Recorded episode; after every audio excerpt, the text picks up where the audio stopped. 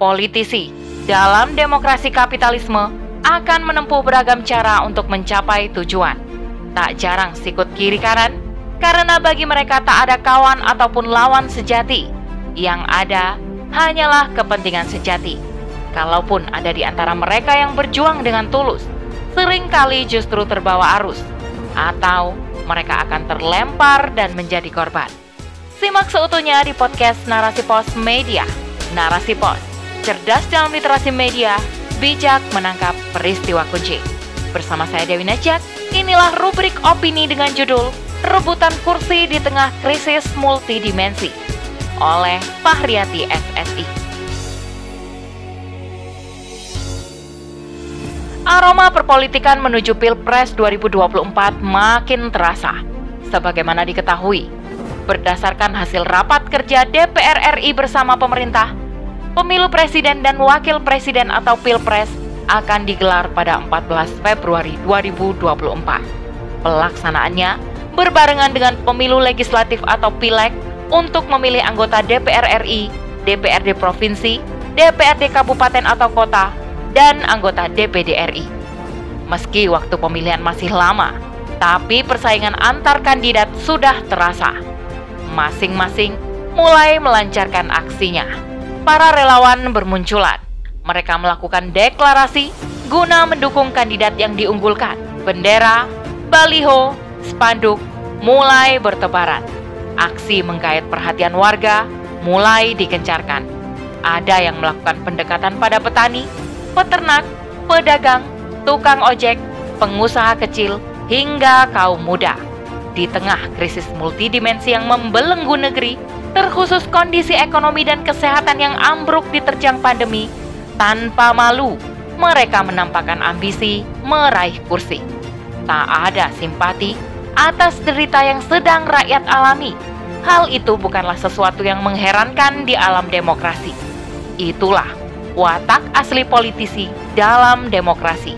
Watak yang terbentuk oleh sistem berhasrat besar meraih kekuasaan. Pemilu merupakan metode yang ditetapkan demokrasi untuk memilih wakil dan pemimpin bagi rakyat. Rutinitas lima tahunan ini menjadi ajang kontestasi bagi mereka yang ingin meraih kursi jabatan. Mereka akan berusaha menampilkan sosok kandidat dengan citra yang positif agar mampu meraih simpati dan meraup suara. Metode demokrasi kapitalisme seperti ini meniscayakan pemilu berbiaya tinggi guna menonjolkan kandidat perlu mengencarkan kampanye di dunia nyata maupun dunia maya. Ini tentu memerlukan dana yang besar. Karenanya, mereka akan menggait para penopang dana. Di sinilah terbentuk ikatan kepentingan antara pengusaha atau pemilik dana dengan penguasa terpilih. Akhirnya, kekuasaan dijadikan jalan untuk memuluskan kepentingan. Memperjuangkan kepentingan rakyat sering kali hanyalah jargon. Faktanya, kepentingan pribadi dan segelintir orang lebih mendominasi dalam kampanye sering kali mengumbar janji. Namun, saat duduk di kursi kekuasaan, banyak yang tak terrealisasi. Politisi dalam demokrasi kapitalisme akan menempuh beragam cara untuk mencapai tujuan tak jarang sikut kiri kanan. Karena bagi mereka, tak ada kawan ataupun lawan sejati. Yang ada hanyalah kepentingan sejati. Kalaupun ada di antara mereka yang berjuang dengan tulus, sering kali justru terbawa arus atau mereka akan terlempar dan menjadi korban. Demikianlah wajah demokrasi. Pemimpin yang dipilih bukan berdasarkan kualitas dan kapabilitas yang dimiliki. Kandidat yang diajukan lebih bertumpu pada kepopuleran, pencitraan, atau tingginya elektabilitas. Jika demikian, apa yang bisa kita harapkan dari pemimpin dan sistem yang seperti ini? Mampukah membawa negeri ini menuju kondisi yang lebih baik, atau justru semakin terpuruk? Pandangan demokrasi terkait kekuasaan bertolak belakang dengan pandangan Islam. Islam memandang kekuasaan bukanlah jalan untuk meraih keuntungan. Kekuasaan dipandang sebagai sebuah amanah yang akan dipertanggungjawabkan bukan hanya di hadapan rakyat, tapi yang lebih berat adalah pertanggungjawaban di sisi Allah. Islam sangat memperhatikan masalah kepemimpinan dan sistem yang diterapkan oleh sang pemimpin. Esensi politik dan kepemimpinan dalam Islam adalah untuk menegakkan hukum Allah di muka bumi. Islam menegaskan bahwa kekuasaan akan menjadi kemuliaan jika dipergunakan untuk menegakkan kebenaran dan melindungi orang yang dipimpinnya. Sebaliknya, kekuasaan akan menjadi kehinaan jika disalahgunakan.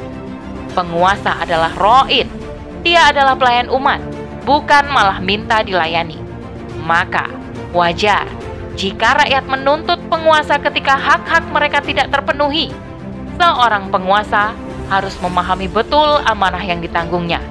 Jika seseorang memahami tugas besar ini, ia tak akan berambisi meraih kekuasaan kecuali kekuasaan itu bisa dijadikan jalan menegakkan kebenaran dan keadilan.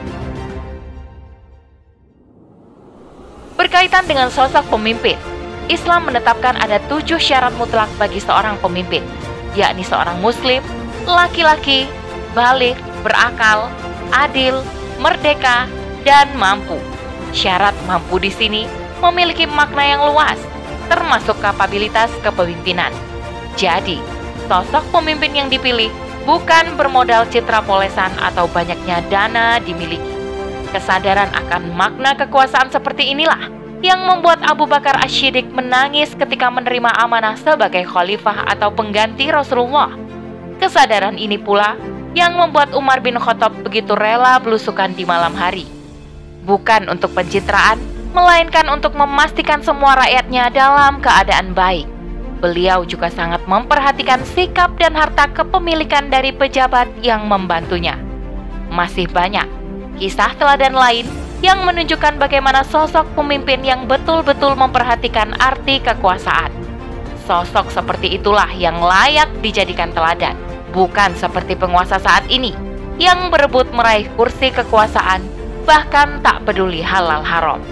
Pemimpin yang hebat tak lahir tiba-tiba, tapi perlu didukung oleh sistem yang menerapkan hukum Islam secara kafah, yakni Daulah Khilafah Islamiyah.